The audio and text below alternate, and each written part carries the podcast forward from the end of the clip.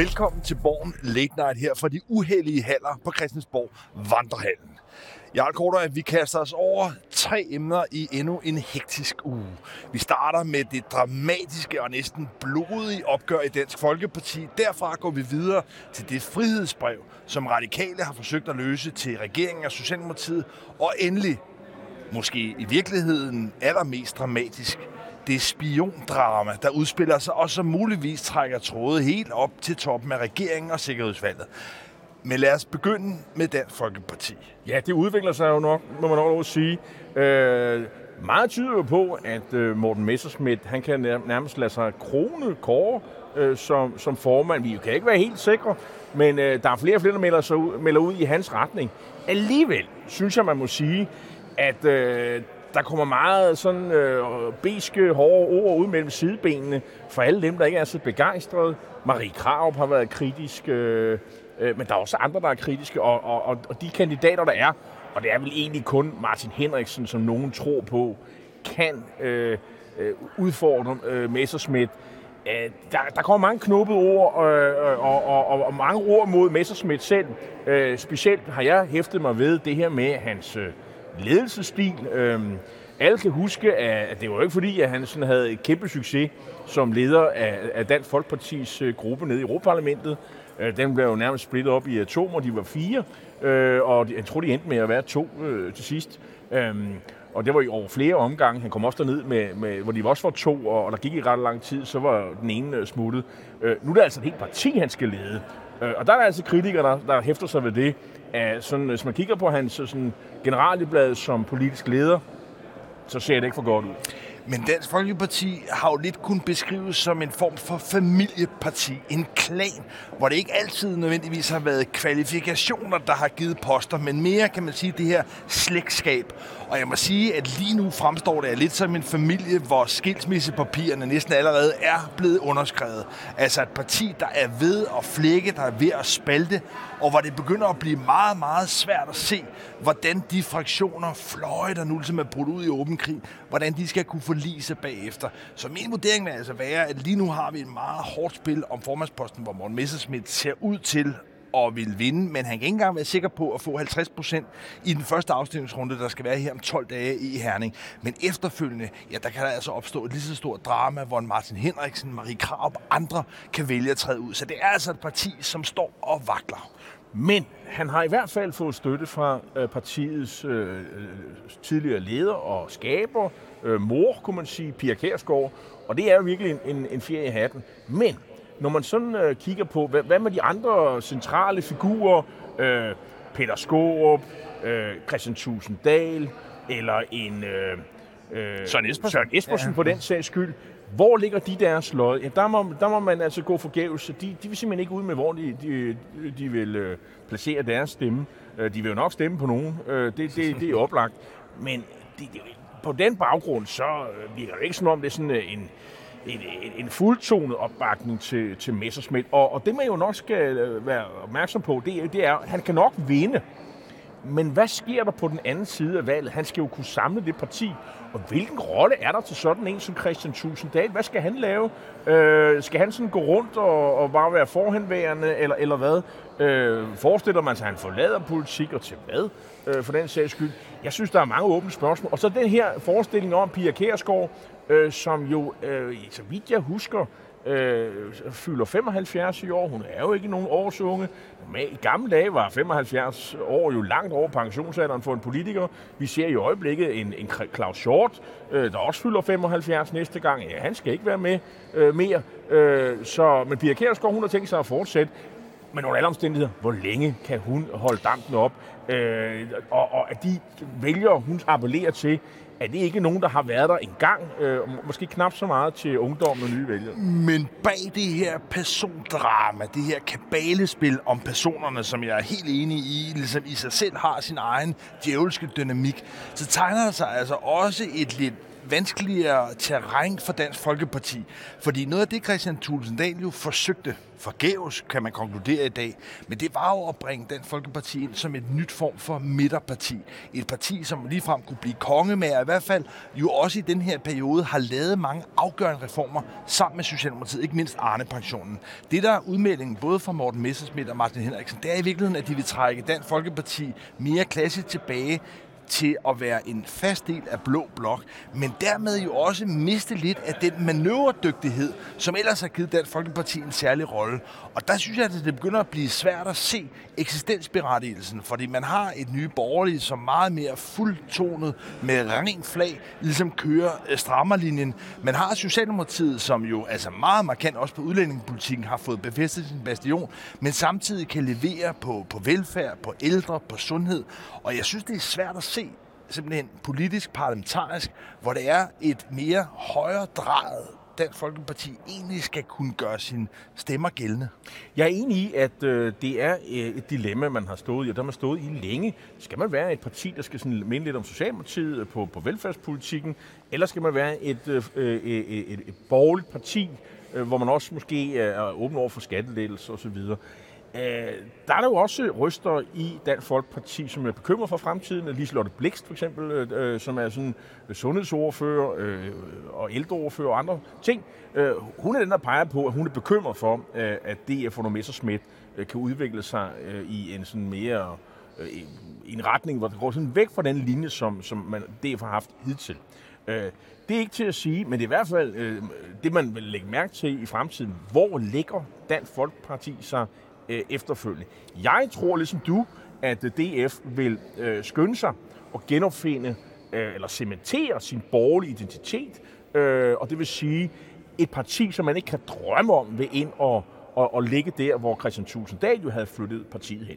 Øh, det, det er min klare øh, overvisning. overbevisning. Hvis man nu skulle være lidt flinke over for Dansk Folkeparti, og det synes jeg, vi skal være, øh, for en, øh, ikke for en gang skyld, men det er generelt, øh, det er jo, at hvis man kigger på meningsmålingerne, jamen så ligger Dansk Folkeparti til trods for, at øh, vi næsten hver dag kan, kan se, at man skælder ud på kandidaterne, og vi skal ikke få det der værdige forløb, som Tusinddal jo havde håbet på, jamen så ligger man stadigvæk sådan omkring de 6 procent i, i meningsmålinger. Rimelig stabil.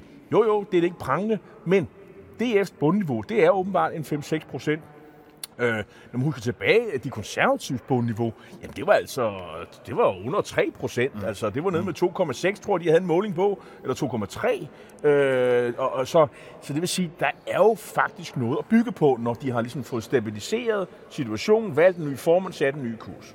Helt enig. Altså, man kan ikke på nogen måde afskrive Dansk Folkeparti. De skal nok klare sig videre. Jeg er enig i, at det er et meget, meget, meget højt bundniveau. Men spørgsmålet er jo, hvad det er for en politisk rolle. Hvad er det ligesom for en tyngde herinde på Christiansborg, partiet vil kunne have fremover? Og der synes jeg, det bliver sværere. Og i virkeligheden tror jeg, hvis vi hopper nu videre til et andet store dramatiske emne, radikale venstre. Det er i virkeligheden det vakuum, der nu er skabt efter, at Dansk Folkeparti har trukket sig lidt væk fra midten der har radikale, som jo ellers har været ramponeret siden Morten Østergaard var nødt til at trække sig med MeToo-skandalen, der er det, at radikale igen begynder at se en mulighed for i virkeligheden at bringe sig ind i centrum. Dansk Folkeparti er ude.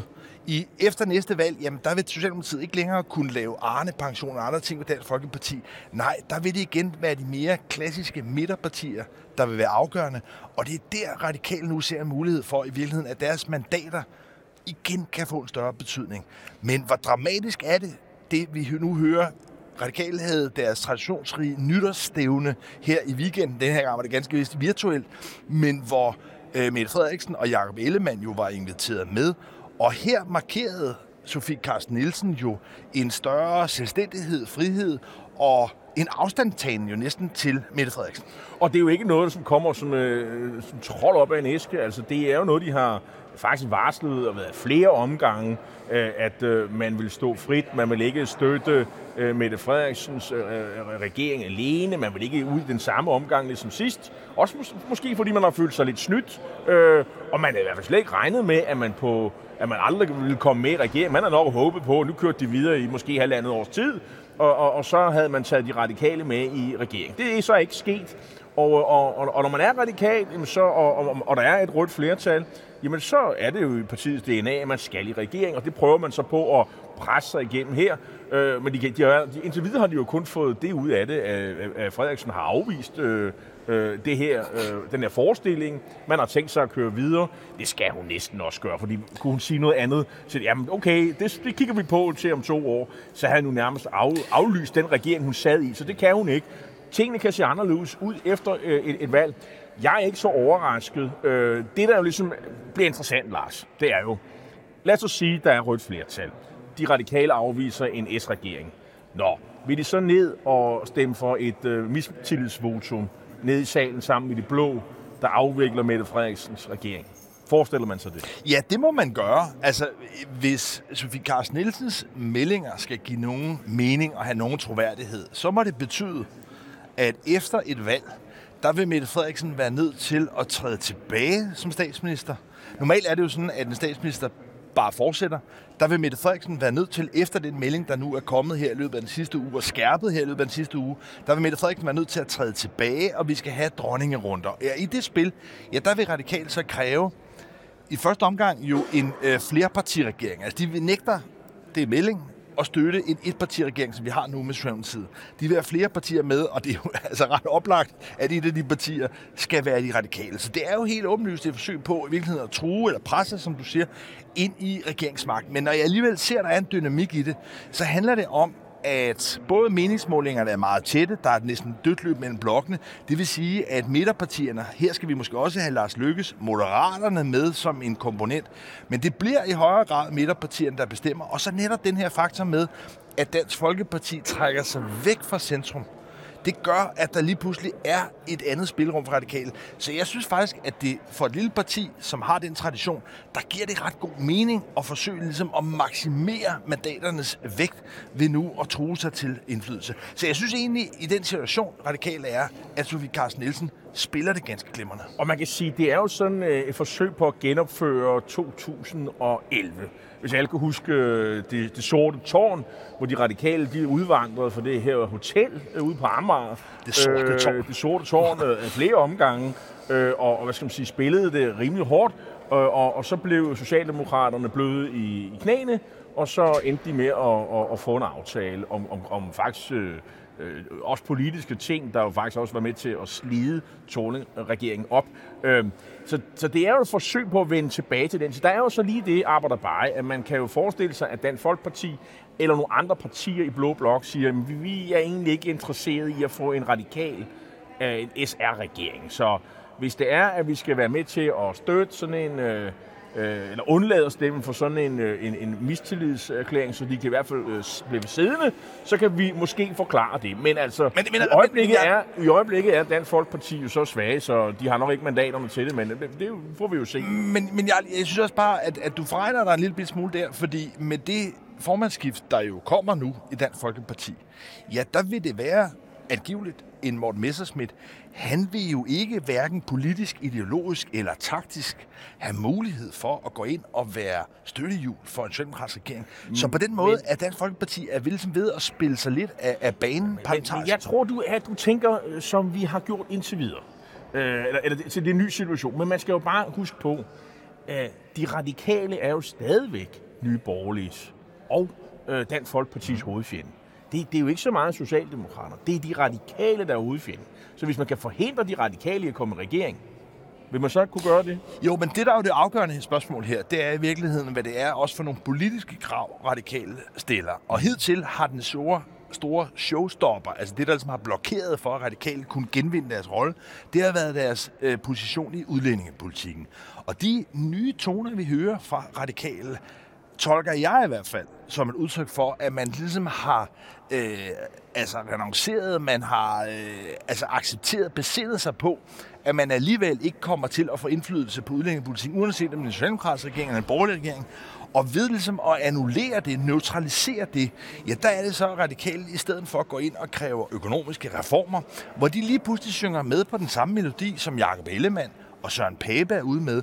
Og det er jo en del af det afgørende spil, som synes jeg kommer til at minde om 2011, ligesom Margrethe Vestager formåede ligesom at trække Socialdemokratiet i den retning. Så det, jeg sådan ser som en dynamik i det her spil med radikal, det er i virkeligheden, at Socialdemokratiet bliver tvunget til at føre væk fra Arne og Dansk Folkeparti og over mod radikale og borgerlige og tilbage til en mere klassisk reformpolitik. Og det synes jeg lyder som et øh, radikalt drømmescenarie, det du har beskrevet. Men lad os nu sige, at udlændingepolitikken vender tilbage med fuld musik, og, øh, og det også bliver et, et, et, et, et fokus øh, øh, og omdrejningspunkt for, for et valg, så, så vil jeg sige, at så tror jeg, øh, at godt de, bor, de blå øh, højrefløjspartier kan se sig selv i og skabe splid.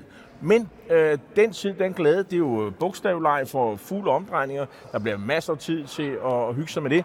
Og, og i mellemtiden, så kan det jo være, at vi har op til flere højrefløjspartier.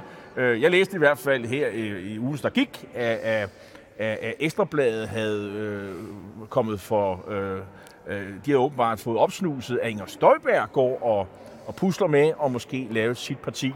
Det tror jeg ikke bliver sådan et øh, midtersøgende parti ind på midten. Det bliver nok også et af de der, så er der måske tre, eller jeg ved hvor mange, fire konkurrerende øh, højrefløjspartier, som er mod det ene og det andet, og vil have stram udlændingepolitik. Det, det bliver i hvert fald spændende. Og det vil i givet fald være det 15. parti. Men altså, jeg tror bare, at man skal besinde sig på, at den udvikling, der var for 5-10 år siden, hvor det i høj grad var yderfløjene, der ligesom havde energien, som satte dagsordnerne, den er blevet afløst af et lidt mere klassisk spil, hvor det er mere ind over midten, det parlamentariske midte, og det er der, hvor jeg ser både radikale, men sådan set også Lars Lykke. Vi venter stadigvæk på, at Moderaterne bliver etableret formelt som et parti. Det men måske jeg... sker det her i januar, ifølge Lars Lykke her i weekenden, en, en, en, en, en melding. Og jeg ser også det her, øh, skal man sige, stunt eller udmelding, øh, lidt afhængig af, hvilket temperament man har, jo også er en forsøg på at lægge sig lige der, hvor Lars Lykke øh, skulle have ligget med sit parti. Altså, han skal øh, kvæles øh, udkonkurreres, før han er opstået. Det, ja. det, det er klart. Og, og det er jo også en, øh, en, skal man sige, en klassisk radikal øh, position. Men øh, hvis du skal have ret, og det kan godt være, at du, du er også regerende yberbrød, øh, så det, det er der jo store muligheder for, så er det jo, at det bliver farvel til øh, de radikales øh, markante meldinger på udlændingsfronten. Øh, spørgsmålet er jo så, om vælgerne følger med, fordi vi ved jo, at de radikale vælgere, jamen, de kan ikke se sig selv i blå blok, de kan kun se sig, de, de fleste af dem i hvert fald, i rød blok. Og der er jo det her med, kan man true sig til, øh, kan, man, kan man kigge på Mette Frederiksen og sige, hvis ikke øh, du gør, som vi siger, jamen, så går vi over, og så gør vi Jakob Ellemann eller Søren Pape til statsminister. Det ser jeg ikke for mig. Men ja, det her er, som du var inde på, det lange spil. Lige nu, og i de her døgn, også herinde på Christiansborg, der er der en anden sag, som optager sindene. Mm. Fordi i går kom det frem, at en af de fire både nuværende og tidligere efterretningsofficerer, som blev anholdt før jul, en af dem viser at være den daværende chef for Forsvarets efterretningstjeneste, ikke, Lars Finsen. Og ikke bare det, han er tidligere chef for politiets efterretningstjeneste, og han har sågar også været departementschef i Forsvarsministeriet. Det var jo under Søren Gade i sin tid. Og han, og han har også... altså siddet i 20 år i det, der hedder regeringens sikkerhedspolitik. Og det er altså der, hvor alle statshemmelighederne... De sikkerhedsudvalg. Ja, ja. Øh, sikkerhedsudvalg. Undskyld, hvad sagde jeg? Okay, sikkerhedsudvalg. Men det er altså der, hvor alle de tophemmelige ting, de bliver drøftet. Og, øh, der er ikke så, nogen, der så, er, så der er vel ikke nogen statshemmelighed, han ikke kender til? Der er i hvert fald ikke nogen person i Danmark, som har haft adgang til flere og mere fortrolige statshemmeligheder end lige præcis Lars Finsen. Og det forhold, at han så blev anholdt sågar ude i lufthavnen, den 8. Og, december, og, altså for og, snart øh, mere end en måned siden. Og jo, altså, den paragraf, som altså, han er blevet anholdt på. I folkemåne landsforræder-paragraf. Øh, ja, paragraf øh, 109. Som kan, så, så, kan give op til 12 år ubetinget fængsel. Vi snakker altså om en ekstremt dramatisk sag, og det der jo også er en lang række øh, kommentatorer, folk med indsigt i efterretningsvæsenet, som er ude og vurdere, det er, at det her er en sag, som allerede nu har kompromitteret Danmarks status i efterretningsmiljøet, altså i vores samarbejde, ikke mindst med den amerikanske, men også britiske og tyske, franske efterretningstjeneste, der har kompromitteret det så voldsomt grad, at man der spørger sig selv, jamen det her må være noget, der har været oppe og vende i netop Sikkerhedsudvalget helt op på topregeringsniveau. Fordi normalt vil proceduren være, at hvis han ikke rent faktisk har været altså fjendtlig agent, Altså en slags Kim Philby, øh, som så nåede at stikke af. Ja, øh, men så, altså, vi skal så, tilbage til den kolde krig, og Ja. nogle af de mest dramatiske, men hvis han ikke rent faktisk har været altså, fjendtlig, hemmelig agent, så ville det normalt have været en sag, som man ligesom havde ordnet i mindelighed, mm. fordi at omkostningerne ved at gøre det her offentligt, altså er så voldsomme for Danmark og vores øh, sikkerhedsvæsen. Så derfor er der altså den her spekulation, som det er, fordi det jo hele er jo øh, underlagt total fortrolighed og dobbelt lukket døre osv. Men det er altså, at det her er en sag, som den øverste regeringstop, det vil sige Mette Frederiksen i hvert fald, har været involveret i håndtering af. Og på den måde er der altså også nogle politiske tråde, snubletråde, om man vil, som gør, at afhængig af, hvordan den her, den her sag udvikler sig, også er noget, der kan få store politiske konsekvenser. Han har jo så siddet og kukuluret i kashotten i Hillerød, øh, jul og fejret jul og nytår. Det har bestemt ikke været morsomt. Og så var han jo i, skal man sige, øh, i, i retten i går, hvor han, hvor han så erklærede sig uskyldig, og han sagde jo, at det hele var vanvittigt. Og det forstår man jo godt, øh, set hvor han stod. Det, det er jo også øh, en, en helt vanvittig sag, det må man jo sige. Men øh, han, er jo, han, er jo, han er jo ikke dømt, øh, og... Øh, og, og, og hvad er egentlig de sådan, politiske komplikationer? Fordi vi får jo ikke, ikke, aldrig rigtig noget at vide om, hvad sagen egentlig handler om. Man kan gisne. Og gidsningerne, de går jo i retning af, at øh, han øh, er blevet aflyttet af, af, af Sikkerhedstjenesten. Det må være BT. Øh, og så har han og det er igen gidsninger. Vi kan ikke sidde her og sige, at det er sådan, det er foregået. Men øh, spekulationer går i retning af, at øh, han har talt med journalister, og han har sagt ting til journalister, som jo er underlagt øh, øh, altså, Men det er vi- hem, hemmelige ting at sige. Men vi ved offentligt, at der er tre sager, som det her i hvert fald også drejer sig om. Og de tre sager kender vi, fordi der er en række mediechefer og chefredaktører, som har været indkaldt til øh, audiens, var jeg ved at sige, øh, nede på Kastellet i København øh, hos øh, Forsvarets Efterretningstjeneste. Og der blev der i hvert fald nævnt tre sager. Den første er en gammel sag, som handler om, at man i, i Danmark har haft en aftale om at kunne tappe øh, internetkabler og har givet videregivet informationer til amerikanerne, men hvor der også har været kritik, blandt andet fra tyskerne om, at det internetkabel, der altså løber igennem Danmark gennem ved København, at det har man brugt til at tappe oplysninger, som blandt andet har været brugt til spionage mod Angela Merkel, altså den daværende tyske kansler. Så der er ligesom, kan man sige, meget stor kritik af Danmark. Det er ligesom den første sag. Så er der den anden afgørende sag, som handler om de danske børn og mødre i Syrien, hvor der jo har været lækket oplysninger om, at man i virkeligheden i regeringstoppen godt vidste, at jo længere tid der gik, før man hentede de her børn og øh, møderne hjem, så ville det udvikle sig til en stadig større sikkerhedsrisiko. Og på trods af det, på trods af den advarsel, ja, så gjorde man ikke noget. Men det er altså noget, øh, noget der blev lækket, og endelig er der også en i sig selv spektakulær sag, som særligt Berlinske har optravlet, om en øh, dansk statsborger, som har været sendt til Syrien som hemmelig agent, og da han så senere blev anholdt i Spanien, ja, så ville man lige pludselig ikke kende noget ved ham. Og der har der altså også været læk, hvor der har været nogle af hans øh, kolleger, altså hemmelige agenter i efterretningstjenesten, som har været voldsomt fortørnet over, at man ligesom har offret en hemmelig agent. Så der er altså i hvert fald de her tre offentligt kendte sager, som kan være det, men det kan selvfølgelig også være noget fjerde eller noget femte. Men vi ved i hvert fald, at der har været læk fra efterretningstjenesterne til medierne. Men spørgsmålet er bare, om det at lægge oplysninger, som har haft offentlighedens interesse, om det er tilstrækkeligt til, at man kan blive dømt som landsforræder. Men øh, hvis de har ham på bånd, og han har sagt noget, øh, og man har haft jurister til at kigge på det her, og nu spekulerer vi, det må vi lige understrege, øh, så er der vel øh, jurister med kendskab til lovgivningen, som siger, det kan vi øh, dømme ham for. Det er i hvert fald det eneste, jeg kan sådan komme med forklaring på. I øvrigt, den der sag med, øh, med sygebørnene, som øh, blev afdækket af Ekstrabladet, som du nævnte, ja, der fik den der gruppe, som har kigget på den sag, de fik jo Gavlingprisen, journalistisk fin, fin pris. I øvrigt, overragt af selveste statsministeren. Sådan er det hele, øh, hænger det hele sammen, øh, men, man bliver helt forvirret. men, men på den måde har det jo nogle oplagte politiske forviklinger, fordi hvis det nu for eksempel er, er den sag, og det der er i hvert fald altså indicier, det der ved kunne- vi jo faktisk Det ved vi ikke, men, men- men, men det er i hvert fald en af de altså meget få sager, det ville kunne have været. Så er det jo altså noget, der vikler sig helt op i, i, i toppen, og på den måde noget, der kan få konsekvenser, selvfølgelig for Mette Frederiksen, men der er også øh, andre, ikke mindst øh, Trine Bramsen, øh, forsvarsministeren, som også er under et pres, fordi parallelt med det her har man jo haft en kommissionsundersøgelse, der har forsøgt ligesom at udrede, øh, hvad der var op og ned i den første sag, jeg nævnte om, den her tapning af internetkabler, og hvor der var en påstand om, og i øvrigt spektakulært nok, det var formanden for tilsynet med efterretningstjenesterne, som er Michael Kistrup, der også er øh, formand for Mink-kommissionen. Han mente altså, at der var grundlag for at øh, ville undersøge, om det var ulovligt. Så det er altså et meget, meget dramatisk persongalleri, og vi har gør med af her. dem, som var på anklagebænken, og som havde været hjemsendt i halvandet år, det var netop Lars Finsen. øh, men da så presmeddelelsen kom fra Forsvarsministeriet, øh, ministeren den 13. december, om at jamen, nu, der var sådan set ikke noget at komme efter, og man på en eller anden led bød vel, de der øh, fire mennesker velkommen tilbage i, i, i, i embedsmandsstillingerne, og man, nogle af dem kunne endda blive ambassadører.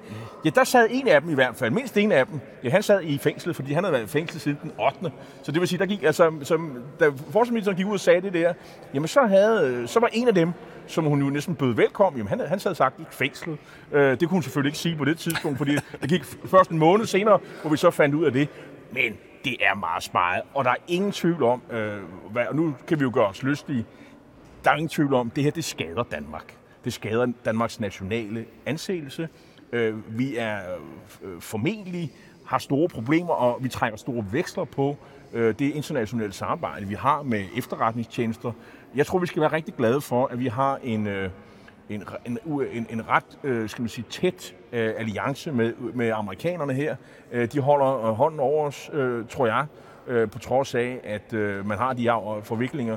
Og det bedste, der kunne ske, det er vel, at den her sag, som jeg også tror, man politisk øh, vil samle sig omkring, at den bliver løst hurtigt. Fordi det er også svært at diskutere, også fordi, at øh, vi kender jo ikke enkelhederne. Vi kan jo sidde her og, og snakke om det, og det kan man gøre mange steder. Men jeg- Men vi aner jo faktisk ikke, hvad der kommer til at foregå, og vi kommer, får man formentlig heller aldrig at vide. Men normalt vil de her sager jo være løst diskret.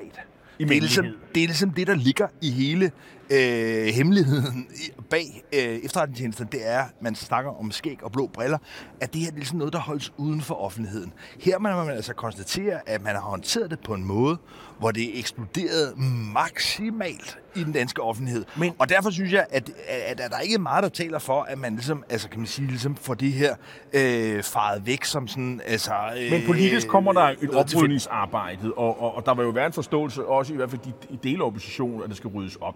Men det er jo en sag, som vi må forvente, at både statsministeren ind over, øh, departementchefer fra øh, Justitsministeriet og fra øh, statsministeriet naturligvis. Ja, Barbara øh, Bertelsen. Barbara Bertelsen igen, naturligvis er hun det. Hun er jo også tidligere departementchef, justitsminister. Alle, der har juridisk øh, øh, køndig øh, indsigt i de her ting, øh, de må have på en eller anden led været ind over og, øh, og, og, og, og for at finde ud af, hvad, hvad, skal, hvad skal der ske? Og så er der jo også, altså det er jo, øh, der er jo en anklagemyndighed, og også her, som øh, bliver, øh, kommer ind over osv. Øh, Mars Barnes sag. Lars, jeg tror ikke, vi kan nå mere i den her uge. Tak fordi I så med. Vi er tilbage igen på Christiansborg om præcis en uge.